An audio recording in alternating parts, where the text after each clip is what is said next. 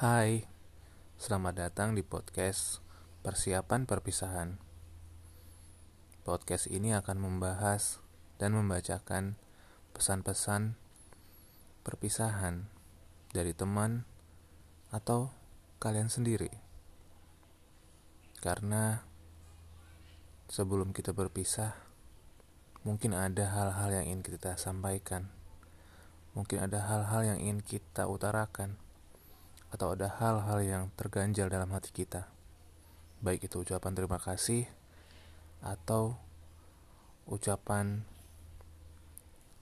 perasaan yang tidak tersampaikan selama ini. Semoga kalian bisa menikmati persiapan-persiapan ini. Semoga kalian bisa menyampaikan pesan-pesan kalian ke orang yang ingin kalian sampaikan. Selamat mendengar.